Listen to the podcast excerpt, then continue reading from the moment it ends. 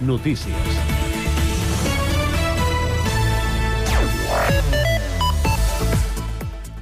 Bona tarda. Els Mossos d'Esquadra han detectat diversos casos d'una nova ciberestafa. En aquest cas, els estafadors suplanten la identitat caixa d'enginyers per aconseguir les dades de la víctima i executar transferències econòmiques al seu benefici. És el que es coneix com el sistema del phishing, que en aquesta ocasió desenvolupen a través d'una SMS i el link cap a una web que simula ser de l'entitat bancària. La sancoatenca Elena Fernández ha explicat a Cugat Media com li han sostret gairebé 1.000 euros amb aquest mètode. Vaig clicar l'enllaç, em va fer entrar a la meva compte i jo doncs, vaig, vaig posar les meves dades bancàries i, i, i el meu telèfon.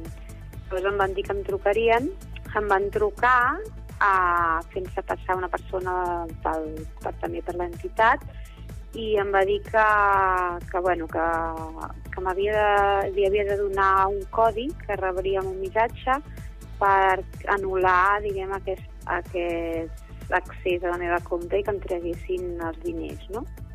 A Sant Cugat ja s'han interposat diverses denúncies per aquesta ciberestafa, segons han confirmat els Mossos d'Esquadra a Cugat Mèdia. L'11% de l'aigua que surt per l'aixeta de Sant Cugat prové del mar després de passar un procés de desalinització.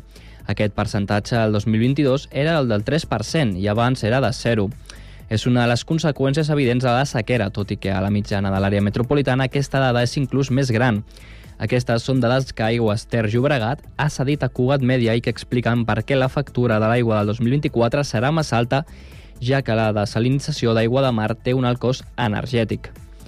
Però que l'aigua costi un 33% més no vol dir que la factura dels usuaris creixerà en la mateixa proporció. L'increment del 33% es fa només sobre un dels conceptes de la factura de l'aigua, que és la factura de l'aigua, però n'hi ha d'altres, com el cost del personal, les amortitzacions, les inversions, les, les reparacions... La segona edició de la nit de les religions se celebra aquest dissabte a Sant Cuat amb una jornada farcida de propostes. Amb el lema Tots i totes busquem respostes, la cita proposa enguany reflexionar sobre les necessitats humanes de fer-se preguntes i buscar respostes. La ciutadania podrà participar en una vintena d'activitats organitzades per 15 comunitats religioses i espirituals de la ciutat. La nit de les religions l'organitza l'Ajuntament i l'Associació UNESCO per al Diàleg Interreligiós i se celebrarà una part al Conservatori Municipal i l'altra a les seus de les diverses comunitats. Més informació al següent butlletí horari. Cugat Mèdia, la informació de referència a Sant Cugat.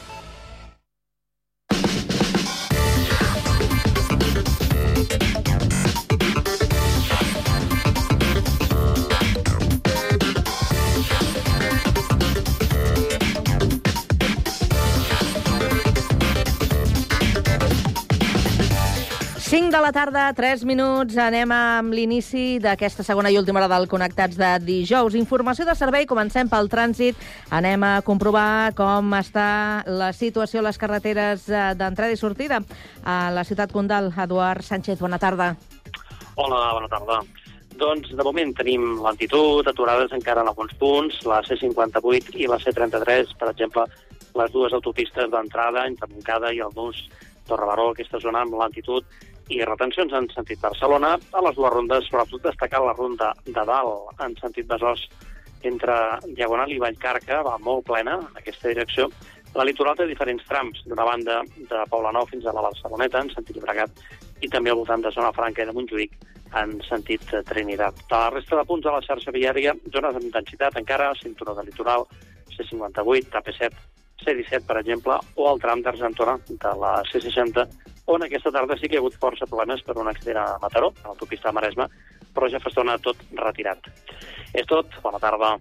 Gràcies i bona tarda. Anem ara al Transmet per saber com està funcionant el transport públic. Albert Garram, bona tarda. Doncs avui dijous, en general, seguim parlant de normalitat a la xarxa de transport públic de l'àrea metropolitana, on tots els serveis de transport públic funcionen segons els horaris i freqüències de pas planificades. Això sí, recordem diverses afectacions per obres. En primer lloc, a la línia T6 de tram, afectacions entre les parades de la mina i Sant Adrià del Besòs per manteniment de l'arbrat públic fins la una del migdia i també recordem, com cada setmana, les afectacions a la línia R3 de Rodalies que continua funcionant amb servei alternatiu per carretera entre les estacions de Parets del Vallès i el Figaró, fet que provoca que els temps de desplaçament siguin superiors als habituals. De moment això és tot des del Transmet.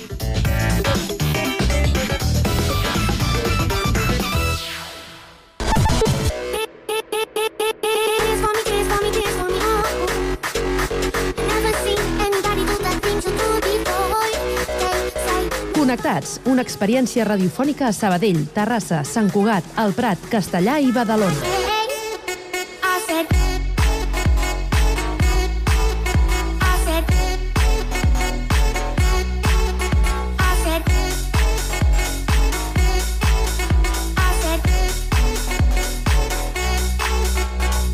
Connectats amb Carme Reverte.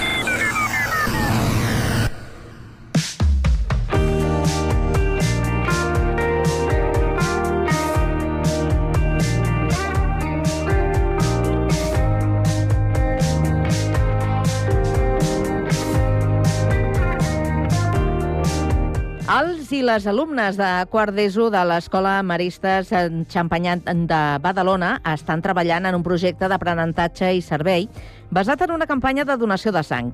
Avui ens acompanyen al Connectats en dues d'aquestes alumnes, la Leire Jornet i la Sofia Domínguez, i el professor Rogeli González. Bona tarda als tres. Molt bona tarda i Hola. moltes gràcies Bona per convidar-nos. També saludem a la nostra companya, Andrea Romera, que es troba als estudis de Ràdio Ciutat de Badalona amb vosaltres. Andrea, bona tarda. Bona tarda, Carme. Bé, doncs avui parlem d'aquesta iniciativa que, Rogeli, abans de- d'entrar en matèria, explica'ns en què consisteix aquest projecte d'aprenentatge i servei, que no sé si és ben bé un mètode educatiu eh, que, que feu servir vosaltres. Doncs mira, eh, l'APS, això que tu comentes de l'aprenentatge i servei, és una, una metodologia que s'utilitza a moltes escoles i instituts a Catalunya. El que es tracta, bàsicament, és que l'alumnat de les escoles, de les diferents cursos, perquè ho pots fer a primari, ho pots fer a secundari, ho pots fer a batxillerat, on vulguis, aprenguin alguna cosa i, a més a més, facin un servei a la comunitat. Per tant, nosaltres, des de ja fa molts anys, el que fem és eh, plantejar aquest APS als alumnes de quart de l'ESO, perquè aprenguem una miqueta doncs, tot el que té a veure amb la sang, eh, amb els grups sanguinis, amb com funciona tot el tema de, de la donació de sang, i a més a més fem aquest servei perquè ajudem doncs, al Banc de Sang a organitzar una campanya de donació de sang. Per tant, entenc, Rogeli, que aquest APS sempre es fa al voltant de la donació de sang? Sí, per nosaltres l'APS intentem fer-ho al primer trimestre. És un projecte que a l'escola ho estem fent des de l'any 2008, per tant ja portem uns quants anys. Vam fer només l'aturada, evidentment, del Covid, però aquesta és la quinzena edició, o sigui que ja portem uns quants anys d'experiència, i ho fem focalitzats en organitzar o col·laborar amb el Banc de Sang per fer una campanya de donació de sang a Badalona. Mm. Molt bé. Aquest any, Leire, com us heu organitzat per fer aquesta campanya de donació de sang? Doncs nosaltres fem una assignatura que es diu Projectes i és on estem fent eh, la peça i el que es fa és uns grups, um, en aquest cas són de tres persones i hi ha hagut doncs, diferents tasques que hem tingut d'anar entregant al llarg d'aquest trimestre doncs, per anar aprenent de la sang i de com funciona el banc de sang i poder anar a entregar tasques amb l'objectiu d'arribar al dijous que ve i poder fer la donació. Vosaltres dues, en quin grup estàveu? Si es pot saber veure per posar-nos un exemple, Sofia? Doncs nosaltres estàvem en un grup eh, que bàsicament eh, tots fèiem el mateix. Eh, a classe doncs, eh, estaven dividits per grups, però tots teníem les mateixes tasques per aprendre tot sobre la sang i doncs, conscienciar la gent sobre la falta de sang a Catalunya, ja que més o menys cada dia es necessiten arribar a les 1.000 donacions i molt poques vegades eh, s'arriben a les 600, 700 i doncs eh, era per ajudar a la gent que doncs, eh, desgraciadament cada dia pateix accidents o els han hagut d'operar i necessiten sang, doncs perquè la gent pugui anar a donar i doncs nosaltres també veure les nostres famílies i dir-los doncs podeu anar a donar sang. Avui esteu aquí a la ràdio, això és per algun motiu? Esteu fent alguna tasca de comunicació? Us han assignat aquest paper o ha sigut casualitat? Bé, doncs a principis d'octubre, més o menys finals també de setembre, van, eh, doncs un noi va venir a explicar-nos, va fer-nos una petita explicació sobre la sang i doncs, com funcionava tot el tema de les donacions, després com arriben als hospitals, com separaven els globus vermells dels, els, els components de la sang, i doncs eh, també després, a partir d'això, eh, com ja hem dit abans, fa molts anys que fem aquest projecte, i doncs el Banc de, de Sang i Teixits de Catalunya, bueno, de, de Barcelona més ben dit, eh, ens, contacta, ens contacta cada any per eh, dir-nos que si els podem aportar amb les nostres donacions doncs una mica més d'ajuda per després repartir-la entre, els, entre, entre els hospitals de la ciutat. Ja ho deia la Sofia una mica abans, però Leire, per què és tan important donar sang? Doncs home, perquè al final és una gran part del nostre cos i si hi ha un accident o, o passa alguna cosa i necessitem que ens reponguin aquesta, eh, la sang no es pot crear i sobretot el que no es pot fer és fabricar-la. Llavors, què passa? Que ens hem d'ajudar tots entre tots i mm, buscar una manera de que tothom pugui col·laborar per donar sang i mm, al final doncs, que si algun dia et passa alguna cosa o et passa res, que sempre hi hagi algú o alguna bossa per poder-te salvar la vida. Hi ha una sèrie de requisits, no?, per donar sang. Ens podries dir quins són alguns? Doncs mira, per exemple, eh, és molt important tindre entre 18 i 70 anys, és la franja d'edat que hi ha, has de pesar més de 50 quilos, ja que aquest és el pes mínim. També has de tindre una salut doncs, bona, o sigui, no pots tindre ninguna malaltia, i en el cas de que no ho sàpigues tampoc passa res perquè després quan la sang s'analitza doncs es veu que tens i no s'aporta. Llavors, si algú pues, no ho sap que està malalt, que no passa res perquè després s'analitza i doncs no pots haver fumat en 6 hores o això és lo recomanable i hi ha molts més factors també, però aquests són els principals. Hi ha alguna cosa relacionada amb el tema dels tatuatges, no? No sé si, si esteu al cas. Bé, bueno, aquest és un tema una miqueta que no està ben, ben decidit de tot, perquè abans es deia que si t'havies fet un tatuatge o t'havies fet alguna perforació, no podies donar sang fins que haguessin passat més o menys aproximadament de- dos a tres mesos. Però ara eh, es veu que, que hi ha gent que diu que no, que sí que pots eh, donar sang encara que t'hagis fet un tatuatge fa poc, si el tatuatge no té ninguna infecció o la teva perforació està bé, no, no està infectat, més que res per no contaminar, eh, entre cometes, la sang per després que l'altra persona que la recibeixi doncs pugui estar bé i que no tingui cap probabilitat de tindre alguna malaltia. I quanta sang et treuen el dia que vas a donar? Et treuen més o menys uns 400 mil·lilitres de sang, així que és molt important que després de la donació eh, la persona que hagi donat doncs, mengi alguna cosa o begui alguna cosa per eh, no marejar-se. Leire, quin és el dia i les hores en què es pot anar a donar sang a, a l'Escola Maristes? És el pròxim dijous, el pròxim dijous, de 10 del matí a 1 del migdia i de 4 de la tarda a 8 de la nit. I és les hores que el col·le estarà obert i doncs serà a Maristes, a la nostra escola, al carrer 2 de maig, i s'entrarà i s'anirà a la sala d'actes on estarà preparat doncs, tota la sala per poder donar sang. Aquest any és a l'Escola Maristes, com comentàvem, però anys enrere, Rogeli, havíeu fet les donacions al Centre Cultural El Carme, no? Per què aquest canvi? Sí, mira, eh, durant dos anys amb l'Ajuntament es va fer una, una marató de donació de sang i ens van demanar que l'organitzéssim. Llavors, durant aquests dos anys ho vam fer al Centre del Carme. Normalment nosaltres a l'escola rebem unes 80, 90, 100 donacions, és el nostre objectiu, arribar a 100 donacions. Eh, els anys que es va fer a, doncs, al Centre del Carme, a més a més amb el suport de l'Ajuntament, vam arribar fins i tot a les 300 donacions. Eh? Però ara ja doncs, suposo que hi ha més escoles que també ho fan i nosaltres organitzem a nivell d'escola. Eh? Nosaltres, si arribem a les 100 donacions, estem molt contents, no? I a més a més, una altra cosa que també el Banc de Sang valora moltíssim de fer aquestes campanyes a les escoles és el que ells diuen els primers donants. Hi ha molta gent que té por, que li fa cosa això de donar sang, no? I moltes vegades hi ha famílies, pares, mares, tiets, que venen perquè els alumnes són molt pesats i els diuen «Ei, nosaltres no podem donar sang, però vosaltres sí va, apropeu-vos», no? I el Banc de Sang valora moltíssim que aquesta gent que ha fet la primera donació, que ha vist que, bueno, que tampoc és per tant, eh, que, que són 15 minuts el que trigues en fer tota la donació, després torna, no? Per això és molt important també doncs, que a les escoles ho puguem anar fent per això, per eh, cridar l'atenció d'aquestes persones que normalment els hi fa por, no?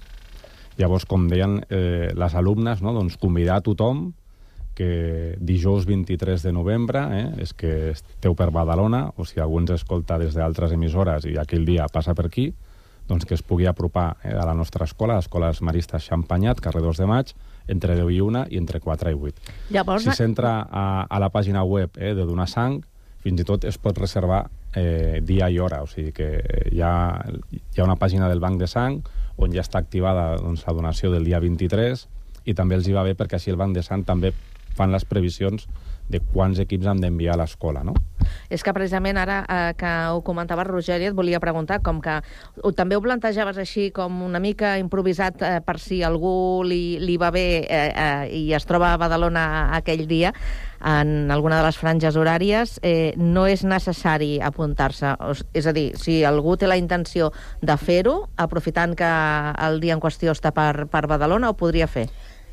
I tant, o sigui, no és obligatori. Si s'apunta millor per, la, per temes de previsions i logística, perquè ells enviaran una sèrie de, de personal mèdic per fer la donació, perquè ja venen cada any, però evidentment si veiessin que a la pàgina web hi ha alguna hora on hi ha moltíssima gent que s'ha apuntat, doncs podrien eh, fer les previsions oportunes. Però si algú s'ho pensa o passa pel carrer, eh, també és veritat que a la porta de l'escola tindrem alumnes tot el dia que convidaran a la gent a passar, Uh -huh. doncs si algú a última hora es decideix a venir, benvingut serà, i evidentment, doncs, com, com ens han dit, no? eh, la sang no es pot fabricar, eh, per tant l'hem de donar nosaltres, i doncs en 15 minuts tens la donació feta. Per tant, doncs, eh, animem a tothom a que venci aquesta por o aquesta arrencança i, i s'animin a venir a l'escola a donar sang. I si no poden venir a la nostra escola, doncs hi ha molts punts a Catalunya no? que també pots anar a donar sang. O sigui que sobretot convidem a la gent a que vingui a donar sang a la nostra escola o a un altre lloc. I escolta'm una cosa, com que és una activitat que acostumeu a fer cada any, eh, és molt possible que hi hagi gent que ja estigui acostumada a venir un cop l'any, no? Amb, amb aquesta convocatòria que feu vosaltres, no? És a dir, que gent que acostuma a repetir. Sí, sí, sí. Tu pots donar sang si ets un home quatre vegades a, a l'any i si ets una dona tres, deixant un espai mínim de dos mesos. Per tant, hi ha molta gent que, que ja és donant habitual, no?, i que, i que ja sap doncs, que nosaltres a finals de novembre normalment és quan fem la donació, per tant doncs, potser hi ha molta gent que en lloc de pujar a Can Ruti, a l'Hospital Germans i Tries aquí a Badalona, que també hi ha una seu del Banc de Sang, Mm. doncs dius, mira, jo sé que els maristes a finals de novembre, a principis de desembre, sempre fan la donació, doncs jo ja em reservo aquella data i ja m'apropo perquè ho tinc més a prop, no? Pues per nosaltres, genial. Clar. Com comentava el Rogeli, Leire i Sofia, que el mateix dia de les donacions els alumnes també tindreu un paper bastant important, no? intentant encara a l'últim moment cridar gent a que vingui a donar. Què fareu exactament? Eh, doncs nosaltres estarem... Bueno, hi, ha, hi haurà uns petits grups d'alumnes que estaran a la porta, que convidaran, com, he, com bé ha dit el Rogeli, eh, a entrar per donar sang, i després, un cop dins de l'escola, hi haurà eh, alumnes doncs, que estaran com animant a la gent que ja ha entrat i que després estaran oferint begudes i menjar per a la gent que ja hagi donat, i després hi haurà un altre grup d'alumnes que acompanyaran els donants a la sortida i al final de la nostra donació doncs, se li donarà un petit detall per, com a agraïment per haver donat i això seria tot. Al final jo crec que la tasca més important que tenim nosaltres, a part d'aprendre sobre aquest projecte i sobre per eh, quan siguem més grans que tinguem la voluntat de voler donar sang, és també pues, fer cridar gent, ja que som com més joves i tenim més àmbit social i ens movem més, eh, i convèncer gent de que vingui i col·labori en el nostre projecte. Comentàvem abans que no podeu donar sang perquè és a partir de 18 anys que es pot, però pot ser que gràcies a haver fet aquest projecte ara us sentiu una mica més animades. No sé si, si abans teníeu molt clar que ja volíeu ser donants o que no, però pot ser que hagueu descobert algunes coses que us hagin cridat a dir, doncs mira, quan faci els 18 començaré a ser donant. A veure, jo de fet mai m'ho havia plantejat perquè no és una cosa doncs, que es parli cada dia, però sí que és veritat que tu vas a l'hospital o alguna cosa i tu veus doncs, donació de banc de sang i pots sempre voler col·laborar. Però, a veure, després de fer aquest projecte i veure l'important que és, doncs sí que em plantejaria fer els 18 i donar sang. Una altra cosa que també a mi em va cridar l'atenció és que al veure la pàgina web del Banc de Teixits de Barcelona vam, vam veure que no s'arribaven a les 1.000 donacions diàries i aix- això també anima a que tu vulguis anar a donar perquè imagina't que tu, per exemple, algun dia pateixen un accident, doncs a tu t'agradaria rebre sang per poder salvar la teva vida. Doncs això també inspira bastant, almenys a mi, a donar sang. Veig que esteu bastant eh, ben informats, que el treball de, de grup que heu fet al voltant d'aquesta activitat i d'aquesta iniciativa el porteu supercontrolat. L'heu explicat uh, super, super bé, com si... No sé si, si repeteixen els alumnes d'un curs per, per un altre o no. Només es fa quart d'ESO, Rogeli. Només es fa quart d'ESO, o sigui que la Sofia i la Leire és el primer cop que ho fan, eh? però Doncs ho han fet com molt tu bé, ben eh? dius, ho, ho tenen ben treballat, ho tenen molt ben treballat. Sí, sí. Eh, per cert, que eh, els professors eh, també s'oferiran per fer donacions? I tant, o sigui, que comptem amb... Jo també dono cada sang, a més jo sóc O negatiu, que som els donants universals, hi ha sí. grups sanguinis, eh? I, i evidentment doncs, que també els professors, eh, també, els alumnes també els han convidat, o sigui que de la mateixa manera que, que estem avui aquí doncs, a, a Rector de Badalona convidant a la gent de Badalona, nosaltres hem passat per totes les classes de l'escola per convidar les famílies a que puguin passar i ells també s'han fet presents en els claustres dels professors, també per convidar com a alumnes de quart d'ESO, que són que organitzen la campanya, a que els seus professors i professores i la gent del PAS, la gent que treballa a l'escola, secretaria, recepció, manteniment, doncs que també puguin, si volen, venir a donar sang. O sigui que allà, allà ens trobarem tots. Doncs eh, hi són tots convidats, eh, recordem, serà dijous que ve, eh, 23 de novembre, de 10 a 1 i de 4 a 8 a l'Escola Maristes eh, Xampanyat eh, de, del carrer 2 de Maig, 67 de Badalona. A la Leire, la Sofia i el Rogeli els agraïm moltíssim que hagin passat eh, pel Connectats i esperem doncs, que aconseguiu els resultats que, que us heu estat treballant. Que vagi molt bé la jornada. Pues, Adéu. mol- moltíssimes Moltes gràcies per donar-nos l'oportunitat i bona tarda. Adéu. Adéu. Gràcies, Andrea. Bona tarda. Bona tarda.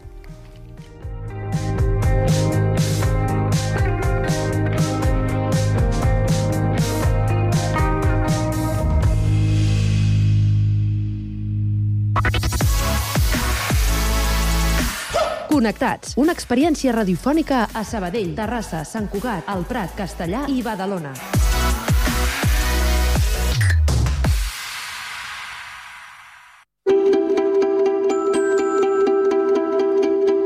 Connecta't al patrimoni. Aquest podcast és una producció de Ràdio Castellà.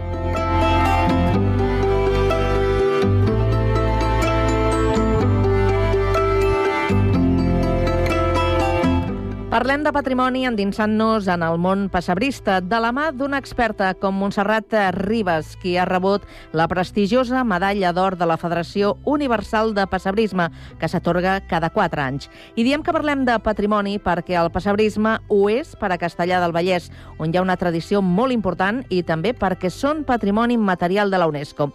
Aquesta és la conversa que ha mantingut la periodista de Ràdio Castellà, Marina Antúnez, amb Montserrat Ribas. Molt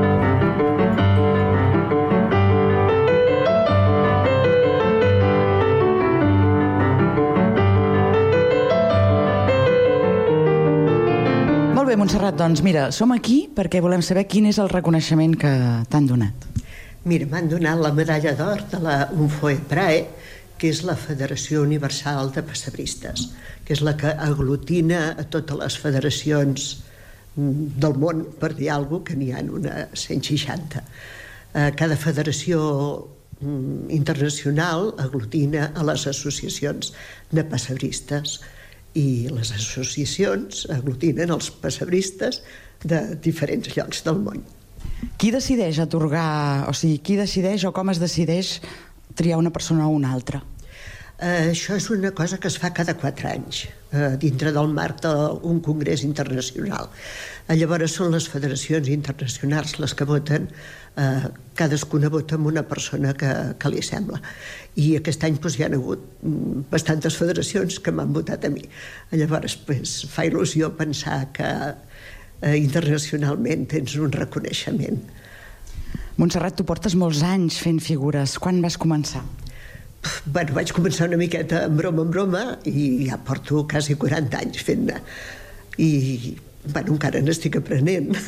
En certa manera, el reconeixement aquest t'esperona a fer-ho cada vegada més bé i a no quedar-te aquí. Ja m'han donat un reconeixement i ja està, no? Penso que cada vegada s'ha d'anar una miqueta a més i eh, revaloritzar el que és la, la figureta de pessebre, que sempre havia sigut doncs, una cosa molt entranyable però molt en base a, a fer una miqueta de representació i prou. Ara cada vegada s'intenta posar més art a dintre dels pessebres, tant amb el que és les, les construccions dels diorames, les arquitectures, es busca més informació a la història que vols estar explicant, llavors la figura penso que també ha de contribuir a que tot això sigui millor i expliqui més bé la història de, del naixement. Has estat molts anys treballant per a l'ISA. Explica'ns una miqueta, parla'ns una miqueta d'aquest període. Sí, mm, vaig estar 30, 33 anys treballant per a l'ISA fins que doncs, el, el gerent es va jubilar i em va dir que em sembla Montserrat, ja ho deixem aquí. I jo encantada de la vida perquè ja havia anat eh, paral·lelament fent molta figura de pessebre. És una cosa que em dona molta feina i que m'il·lusiona molt fer que em dona més possibilitats del que em donaven ja les figures de l'ISA perquè amb tants anys eh, també et desgastes no? fent sempre el que el mercat demana i llavors també era una exigència molt gran perquè cada tres mesos anàvem a, a fires internacionals i, i això volia dir fer eh, cada vegada presentar novetats i bueno, era una exigència molt gran i la figura de pessebre doncs m'aportava més il·lusió i més ganes de fer-la que el que era la figura decorativa però bueno, va ser una època fantàstica també de la meva vida perquè sempre em van deixar fer el que volia i vaig tenir la sort de que el que jo volia fer era el que agradava al públic i doncs va ser una època molt bona. Les teves representacions de pessebres tenen alguna cosa característica que la fa Montserrat Ribes, no? Què, què tenen de genuí les teves representacions? Què, què t'agrada? Mira, és que no t'ho sé dir perquè eh, jo procuro que cada figureta que faig expliqui una història, expliqui la seva història, no? Penso, doncs, que fa dos mil anys la gent buscava el mateix que estem buscant nosaltres, sense tants mòbils i tanta informació, però doncs miraven sobreviure i ser feliços. Llavors procuro que cada figureta eh, expliqui la seva història. Si és una dona que renta, doncs aquella dona a la millor té un fill que l'està ajudant a donar-li la roba i trastejant allà amb ella en el riu. Eh, si són uns pastors que estan amb el ramat, doncs procuro que, que hi hagi un gos que, que, que es pugui mirar perquè està doncs, empaitant a les ovelles. Eh, M'agrada molt fer nens a dintre del pessebre perquè eh, fa anys que els nens estaven doncs no, no existien en el pessebre. Hi havia el nen Jesús i, i quasi no hi havia nens. I doncs, era una societat que tenia nens, evidentment, i els nens sempre han sigut igual. Els hi han agradat els animalets, han jugat eh, amb, eh, amb, a bales, amb pedres, han jugat, doncs segur que es devien fer pilotes amb, amb draps enrotllats. Eh, en fi, penso que mm, planteges aquella societat de la, diferent de com la nostra, però en el fons és el mateix. Vivien de, de, per les mateixes coses. El teu Sant Josep no és un Sant Josep dret amb un bastó, no? Bueno, no, jo sempre he pensat que el Sant Josep devia col·laborar un cop va acceptar l'encàrrec de, de ser el pare terrenal del nen Jesús. Eh, va estar per totes. Penso doncs que en una nit, la nit de Nadal, que la Verge estava a punt de parir i estaven sols en allà doncs, en un estable, eh, Sant Josep devia col·laborar tot el que devia poder. I així, pues, amb tot el que devia ser la vida, a part de procurar doncs, que hi hagués menjar o que hi hagués un cert benestar a casa, eh, es devia cuidar de l'educació també del nen Jesús per ajudar Maria i llavors eh, penso que és un home que, que devia ajudar. No concebeixo la imatge de Sant Josep plantat darrere la Verge amb el pal florit i prou. Jo penso que doncs ell, si el nen plorava i la Verge no podia agafar-lo, el devia agafar i si ell havia de descansar després del part, també el devia agafar ell i bueno, eh, devia doncs, tenir-lo estones a coll i estones ensenyant-lo a caminar i estones doncs, ensenyant-lo a la fusteria penso que devia ser un pare i fer el mateix doncs, que els pares més o menys estan fent ara. Les teves figures no s'han quedat a castellà, ni molt menys, sinó que han traspassat fronteres. Vens figures a tot el món. Sí, tot el món catòlic. Sí, gràcies a Déu, doncs agraden a molts països i, i ven figures a molts llocs. Sí, sí, als Estats Units, a Europa, en moltíssims llocs, sobretot a Itàlia, i, bueno, i aquí a Espanya, per descomptar. També a l'Àsia? Àsia alguna cosa, alguna cosa, però no, és, eh, no són gent tan eh, dedicada al pessebre com nosaltres, vull dir, no, són, eh, no hi ha tant catolicisme o cristianisme, i llavors, doncs, sí, hi ha uns grupets reduïts. Al Japó, en venc, fins i tot em van encarregar fer la figura de d'un beat eh, japonès que era, havia sigut un, un eh, ara no em sortirà un, un guerrer japonès eh, que es va convertir al cristianisme i llavors doncs, eh, l'han fet beat i el Sant Pare el va fer beat i llavors doncs, aquesta figureta manant el Sant Pare la tenen a Osaka i bueno, és un, un, un personatge japonès que la gent hi té una devoció. Per fer tanta figura, eh, quin material utilitzes? Perquè, clar, la producció ha de ser... La producció ha de ser intensiva, no? Quins materials, quina tècnica? Jo faig l'original en fang, sempre. La, la primera peça és de fang. Llavors les reproduccions les fem amb una barreja de una resina especial que té una base ceràmica. O sigui que en el fons porta fang, també. Això li dona... És el, el material que millor calca el meu original, que allà on t'hi deixo doncs, una empremta, s'hi queda, i per fer doncs, les cares i els detallets que jo hi faig és el que millor còpia, més que, uh, més que el fang o sigui que les reproduccions de fang. Mm. És un material que, dona, que és molt resistent per l'humitat dels pessebres que acostuma a haver-hi, per si la molsa, si el guix... Ara ja no es fan tant servir aquests materials, però sí, a les cases encara es fan servir. Llavors les figures de fang acaben una miqueta malmeses, es van desfent amb el temps, es van grumollant i aquest material no el pots tenir pràcticament per sempre repintant-lo potser de tant en tant si tens alguna miqueta d'accident però el que, és, el que és la figura la tens per sempre. No només és important la forma de les figures de pessebre, sinó que també és important com es pinten, no? Les pintures, qui, quines fa servir? Bueno, jo faig servir terres eh, amb acrílics, que és una, figura, és una pintura molt resistent. M'agrada que siguin mates, perquè doncs, les nostres robes normalment no llueixen, llavors no pots veure un pessebre que brilli per tot arreu. O sigui, m'agraden les pintures mates. Eh, també tinc la idea de que en aquella època hi havia poca neteja, poques, pocs mitjans de neteja, llavors doncs, eh, hi havia materials com ara el lli, el cotó, el cànem, tot això eren coses molt naturals, amb un color molt natural. Els ten, el, el que tenyien eh, marxava aviat, perquè no hi havia tampoc procediments per fixar tant els colors. I llavors eh, els meus pessebres tenen un to bastant pla, per dir alguna cosa. No veus gaires vermells, ni gaires grocs, gaires colors que et cridin l'atenció, perquè penso que l'atenció l'ha de cridar el personatge, no la roba que porta.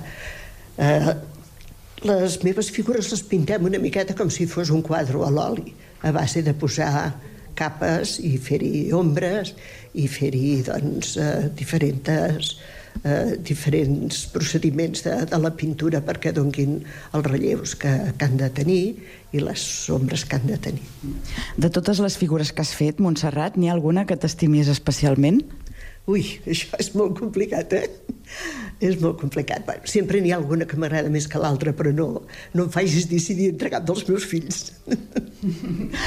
D'entre totes aquestes figures, podríem dir, mira, una figuraire de pessebres, però és més que això, no? Tu ets, ets escultora, de fet.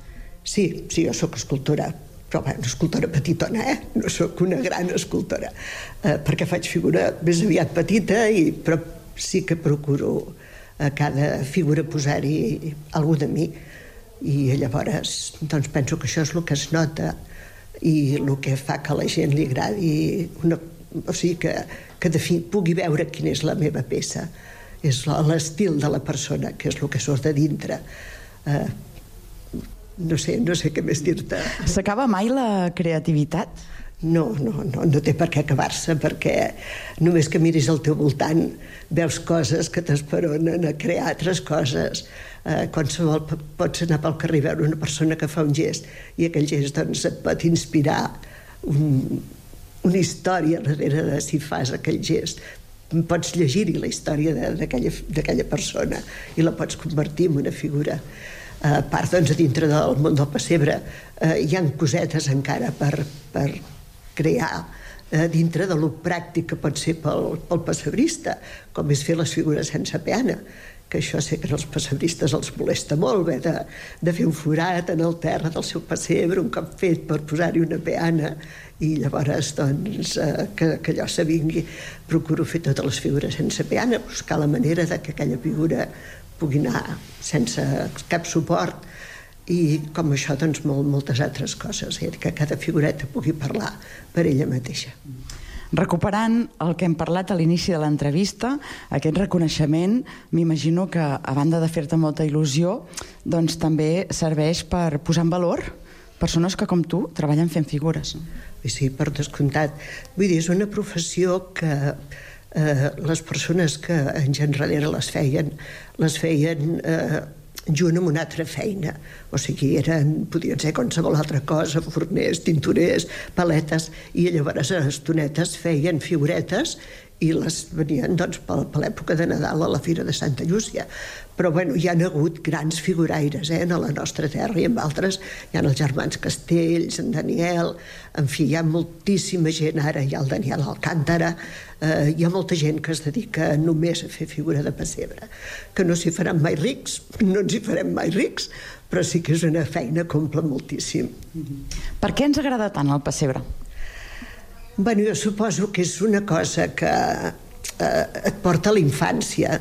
Al voltant d'un pessebre s'hi viuen moltes emocions i s'hi creen molts sentiments, no? Tots tenim records al voltant d'un pessebre, quan ho fèiem amb els avis, quan ho fèiem amb els pares, eh, quan es anava al riu a buscar, doncs, les pedretes, la molsa, la Fira de Santa Llúcia comp- va comprar la figureta que tocava cada any. Eh, jo penso que tot això, la figura de pessebre forma part del patrimoni sentimental i humanístic de la família. Llavors, cada vegada tu al final eh, per la candelera reculls les figuretes, les poses a dormir i a l'altre any quan tornen a sortir et porten els records que has viscut al voltant d'aquesta figureta i això doncs a la llarg dels, dels anys eh, et crea et crea una petita història que, que et fa que t'entendreixis i que t'emocionis cada vegada que, que recordes aquell pessebre o que fas un pessebre.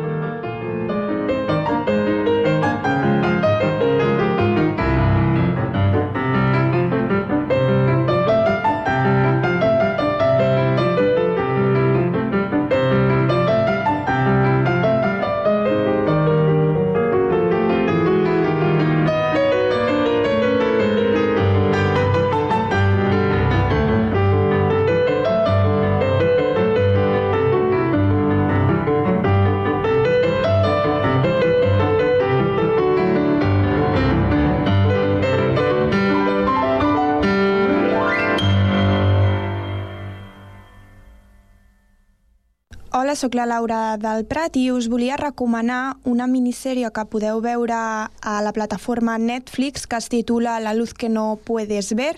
Aquesta minissèrie tracta d'una adolescent francesa i un jove soldat alemany que durant la Segona Guerra Mundial es dediquen al mateix, a interceptar emissions de ràdio il·legals, en aquest cas dels enemics respectius. Els seus camins s'acaben creuant a França quan estan ocupant aquest país on hauran de prendre decisions molt dures per sobreviure. És del creador d'una altra sèrie com la de Peaky Blinders i és l'adaptació de la novel·la d'Anthony Doerr, la qual va ser Premi Pulitzer l'any 2015. Us la recomano perquè surten grans figures com Mark Ruffalo, l'actor americà, i Hugh Laurie també, que és també actor i cantant britànic i també val molt la pena només per ells. Uh, espero que us agradi i la podeu veure ara mateix i està com a tendència a la plataforma Netflix.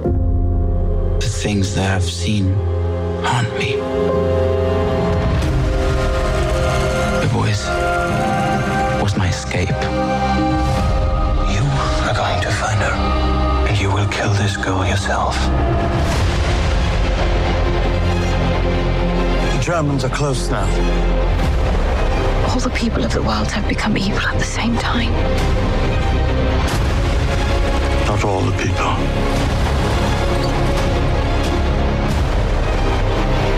Need to not draw attention to this house. Marie won't be safe. I will find your daughter. If you fail, she will die first. I think you know by now.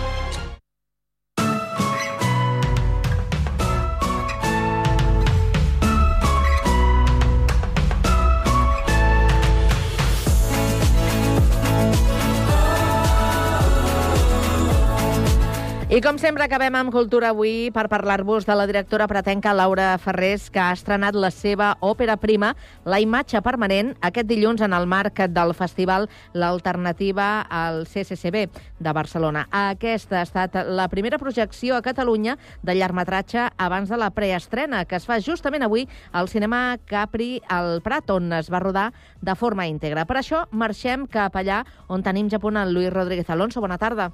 Bona tarda. El primer llargmetratge de Laura Ferrés, la imatge permanent, arriba als cinemes. Ho fa després de diversos festivals, com el de Locarno o també la Seminci de Valladolid, on ha aconseguit a més l'Espiga d'Or. Un film que va ser totalment rodat al Prat de Llobregat. En parlem amb ella, amb Laura Ferrés, què tal, com estàs? Hola, bon dia, molt bé, i tu? Molt bé. Uh, després de passar doncs, això per Locarno, per la Seminci, uh, a més emportar-te doncs, aquest premi, com és l'Espiga d'Or, com estàs vivint aquests dies tan intensos? amb molta felicitat. Sí, sí, perquè per fi la pel·lícula arriba al públic, s'estrena aquest divendres, el 17, o sigui que amb molta felicitat. um, és la teva òpera prima, veu la llum després de pràcticament 5 anys de, de feina. Parlem una miqueta dels orígens. Com va sorgir la idea de, de la imatge permanent? Doncs ve de lluny perquè, per començar, vaig estar 5 anys amb el projecte i fins i tot tinc la sensació que va començar abans perquè vaig fer un curtmetratge que es diu Los Desheredados. Uh -huh. És un retrat del meu pare tancant en el seu negoci. Era una empresa d'autocars que estava al Prat arran de la crisi econòmica del 2008. Aleshores, després de fer aquest projecte, em va venir de gust fer alguna cosa semblant, però amb la meva família materna. Concretament, penso en els meus avis materns, que eren de Còrdoba, i van venir a Catalunya per treballar durant la postguerra. I aquest és el punt de partida, voler fer un retrat d'aquestes persones. El que passa és que després la pel·lícula es va convertir en una ficció, que ja tracta de diversos temes com la diferència entre classes socials, si podem anar en contra de la nostra herència i ocupar un altre lloc a la societat en, per, en funció de la família de la que venim. Uh -huh. eh, però també es parla del món de la imatge, de com, de, de com es construeixen les imatges, eh, perquè una de les protagonistes és directora de càsting, jo mateixa vaig treballar com a directora de càsting, però insisteixo, és una ficció. eh, eh, també es toca el tema dels desapareguts de la guerra, però de manera tangencial. Eh, el, el pas del temps, eh, sobretot penso en la idea de l'etern retorn, és a dir, si estem um, condemnats a que els aconteciments es repeteixin de forma cíclica i eterna. Eh, sí, es tracten tot un seguit de temes alhora que es barregen gèneres i tons diferents, o sigui, es, es va del drama a, al musical perquè els personatges canten, de fet canten les cançons de la meva àvia. Eh, la meva àvia no era cantant professional, però li agradava molt cantar. I quan es va fer gran va tenir Alzheimer i la meva mare i jo la vam gravar en uns cassets per conservar aquest saber popular que es perdrà sí. i aleshores a la, a la pel·lícula em va venir de gust incloure aquestes cançons ja cantades per altres persones. Són cançons que avui dia no es troben ni tan sols a internet. Uh -huh. eh, i tornant al tema dels gèneres, també hi ha sentit de l'humor, eh, perquè crec que si no introdueixes l'humor a la teva pel·lícula, en realitat no tens una pel·lícula seriosa. Eh... Contradictori, no?, una mica? Contradictori, sí. Sí, sí, bueno, la, la, la, la pel·li ja té això, eh? O sigui, barreja coses a priori contradictòries, perquè em sembla que justament d'aquesta eh, barreja poden sortir coses inesperades, que crec que és una cosa sempre agrair quan veiem una pel·lícula, no? Que ens sorprengui. A Los Desheredados parles, això ja ho deies, del, del teu pare, ara parles també, doncs, bàsicament, no, de la teva àvia. Sí. Um, Explica'ns una mica també, doncs, eh, com ha quedat recollit aquesta, doncs, transmissió oral amb aquestes cançons, també que podem veure a la, a la imatge permanent, i què és el que volies explicar precisament amb això? És a dir, tu dius, no?, és, és mig ficció, també és una mica realitat, fins a quin punt és una cosa o l'altra? Mm. Sí, és, és, és difícil a vegades justament saber on està la línia. Eh, perquè per mi fer una pel·lícula és una oportunitat perquè conflueixi lo antropològic amb la ficció. És a dir, m'agrada utilitzar el cine com una eina que ens permet deixar testimoni de coses que d'altra manera es perdran, com aquestes cançons de la meva àvia, eh, però d'altra banda també m'interessa com generar un univers propi, eh, perquè al final jo sóc molt cinèfila i el que m'agrada és pensar en termes d'imatges i sons i què passa quan en el muntatge juntem aquestes dues coses, no? Què hi ha d'aquesta relació que tenies amb la teva àvia a la pel·lícula? Què podem veure allà? Bueno, en certa manera, part del context inicial de la pel·lícula està inspirat amb el que crec que podia ser la seva vida, però ja dic que no és una pel·lícula sobre la meva àvia, és una pel·lícula de ficció. Uh -huh. Eh, sobretot el que queda són aquestes cançons amb les que jo em vaig criar. Eh, de fet, la meva àvia sobretot cantava coples i cançons republicanes. Clar, jo vaig trigar molt de temps en entendre el significat d'aquestes cançons. Va ser amb el pas del temps que uh -huh. ho vaig entendre i em va resultar molt interessant.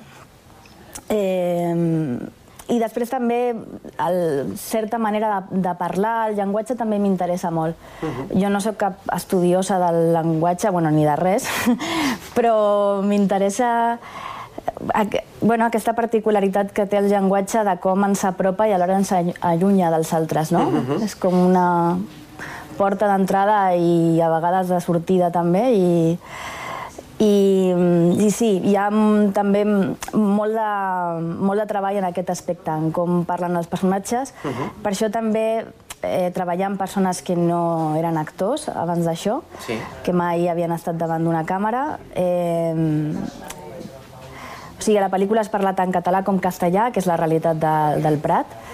Eh, però, a més a més, es, es, es parla d'una manera que crec que les, les persones del carrer es veuran reflectides, no com, per exemple, passa quan veiem certes pel·lícules o sobretot certa televisió, no? on el, el, la forma de parlar tant castellà com català és més normativa, per dir-ho d'alguna manera, perquè aquest altre català o castellà també està bé, però no entra en aquesta norma que aquestes institucions eh, marquen com la manera correcta de parlar aquests idiomes. Uh -huh. De fet, és molt important, ho deies també, doncs, eh, això, no? els diversos accents que tenim de, de la llengua, i novament, ho deies, treballes doncs, amb actrius debutants, com són, per exemple, la Maria Luengo i també la Rosario Ortega. Es va fer un procés llarg, a més, també, no? de, de buscar les persones. Com va ser tot això? Doncs va ser un procés complicat perquè per començar no hi havia gaire temps eh, i a la pel·lícula sur surten moltes persones, elles són les protagonistes, Sí. però potser ja, ara ja no ho sé, però 80 persones perfectament i cap és actor, aleshores la particularitat d'aquest tipus de càsting és que bàsicament no saps on estan aquestes persones. Si treballes amb actors més o menys coneguts, és fàcil que trobis la web del representant, un telèfon al que dirigir-te, però en aquest cas no, no saps on estan aquestes persones. Aleshores, normalment el que fas és pensar bé com és aquest personatge i en funció del tipus de persona que sembla que és, doncs anar a llocs on aquesta persona estaria, no? Aleshores penses molt en la classe social, la feina, els hobbies... Eh, però va, va ser complicat perquè eren moltes persones les que s'havien de trobar, molt poc temps per trobar-les. Eh, L'equip de càsting va fer una feina fantàstica i, bueno, eh, va quedar tan poc temps que, de fet, no vam tenir temps per assajar.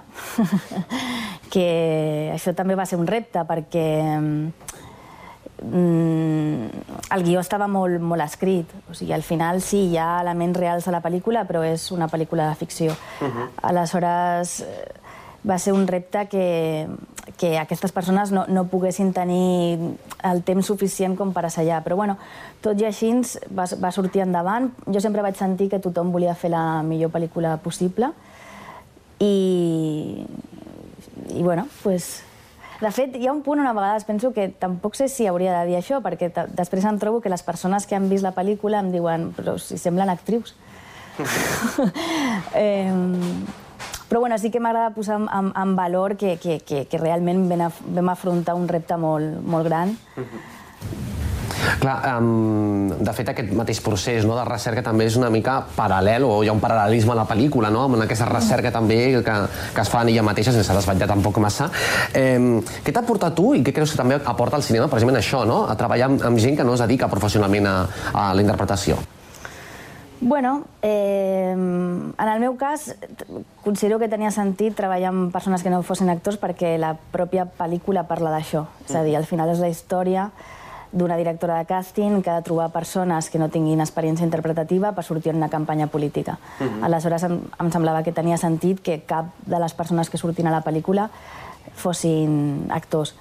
Eh, en, el, en el meu cas és eh, voler retratar un tipus de cares, d'accents, de, de, de classe social, diria fins i tot, no? Un, un, un tipus de persona que formen part de la meva vida però que no veig tant a les pantalles. La pel·lícula més va ser rodada íntegrament al Prat, la teva ciutat natal, per què? Eh, bueno, eh, torno a la idea aquesta de que el cine és una eina que ens permet deixar testimoni de les coses i m'agrada la idea de filmar un lloc conegut a mesura que va passant el temps per veure com canvia. A més a més, és la ciutat on van acabar els meus avis, que, com et dic, venien d'Andalusia, com moltes altres famílies. Aleshores em semblava que tenia sentit que la pel·lícula passés allà perquè està parlant d'aquest moviment migratori.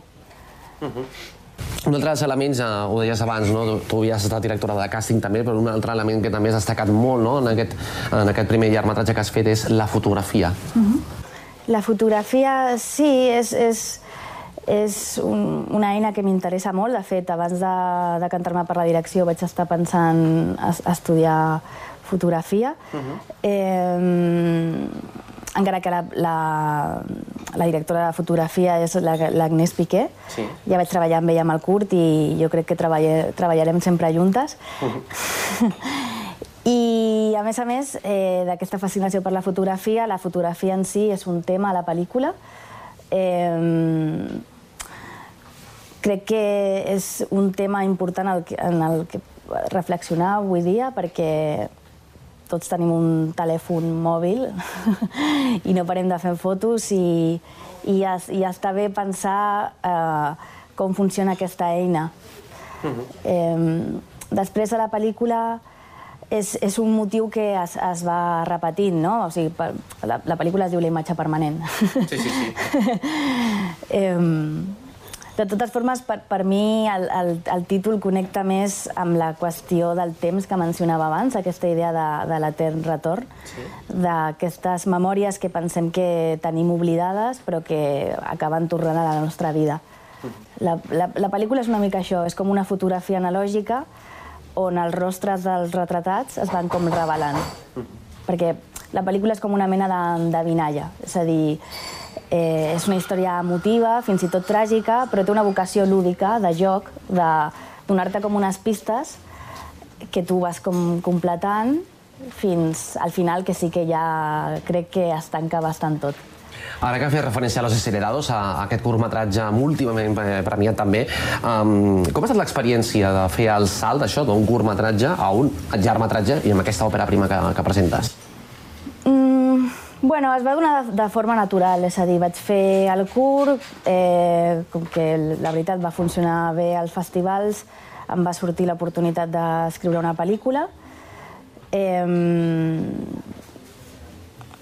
i, I trobo que té molt a veure amb el que havia fet abans, no? És a dir, ja tra vaig treballar amb persones que no eren actors, al Prat, la forma en la que està filmada la pel·lícula també s'assembla, encara que hi ha variacions, perquè al final a mi m'agraden les pel·lícules on la, la forma en la que es narren i el contingut està relacionat. Aleshores, sempre t'has d'adaptar al que estàs explicant, no? Però sí, es, es va donar de, de, de forma natural tot aquest procés. Mhm. Estem a les portes de conèixer les nominacions, de fet, de, dels Goya, dels Gaudí. No sé si era el 2 va aconseguir aquest doblet. Que, quin, quin paper creus que jugarà la imatge permanent en aquests eh, doncs, certàmens de cinema tan importants també? No, no sé quan surten les nominacions, tu El saps? 30 de novembre, els Goya i els Gaudí, Hòstia. crec que és al desembre. Ah, o sigui, per això deia a les portes, eh? Sí, sí, sí, no, no era conscient que quedava tan poc. Eh, prefereixo no pensar gaire en aquestes coses. eh, I, i quina era la pregunta, perdona? Ah, Quin, quin paper creus que jugarà doncs, la imatge permanent eh, després de triomfar, per exemple, també doncs, ara no? a la, a la Seminci amb, amb aquest eh, doncs, premi, aquest espiga d'or. Quin paper creus que jugarà lo, doncs, la imatge permanent i tenint en compte que no sé si era dos va triomfar eh, a lo grande, eh? permetem que ho digui així. Eh, no ho sé, la veritat. Eh, crec que la, la, la lliga de les pel·lícules és més complicada. Eh, però ja, ja, ja veurem. Es, mm, esperem que, que ara que la pel·lícula s'estrena, el major número de possible de persones la vegin, la gaudeixin, i si arriben nominacions, doncs perfecte, i si no, continuarem fent pel·lícules. I tant. doncs la imatge permanent que s'estrena doncs, aquest divendres als cinemes de tota Catalunya. Hem parlat amb Laura Ferrés, la seva directora, que ens ha presentat aquesta òpera prima.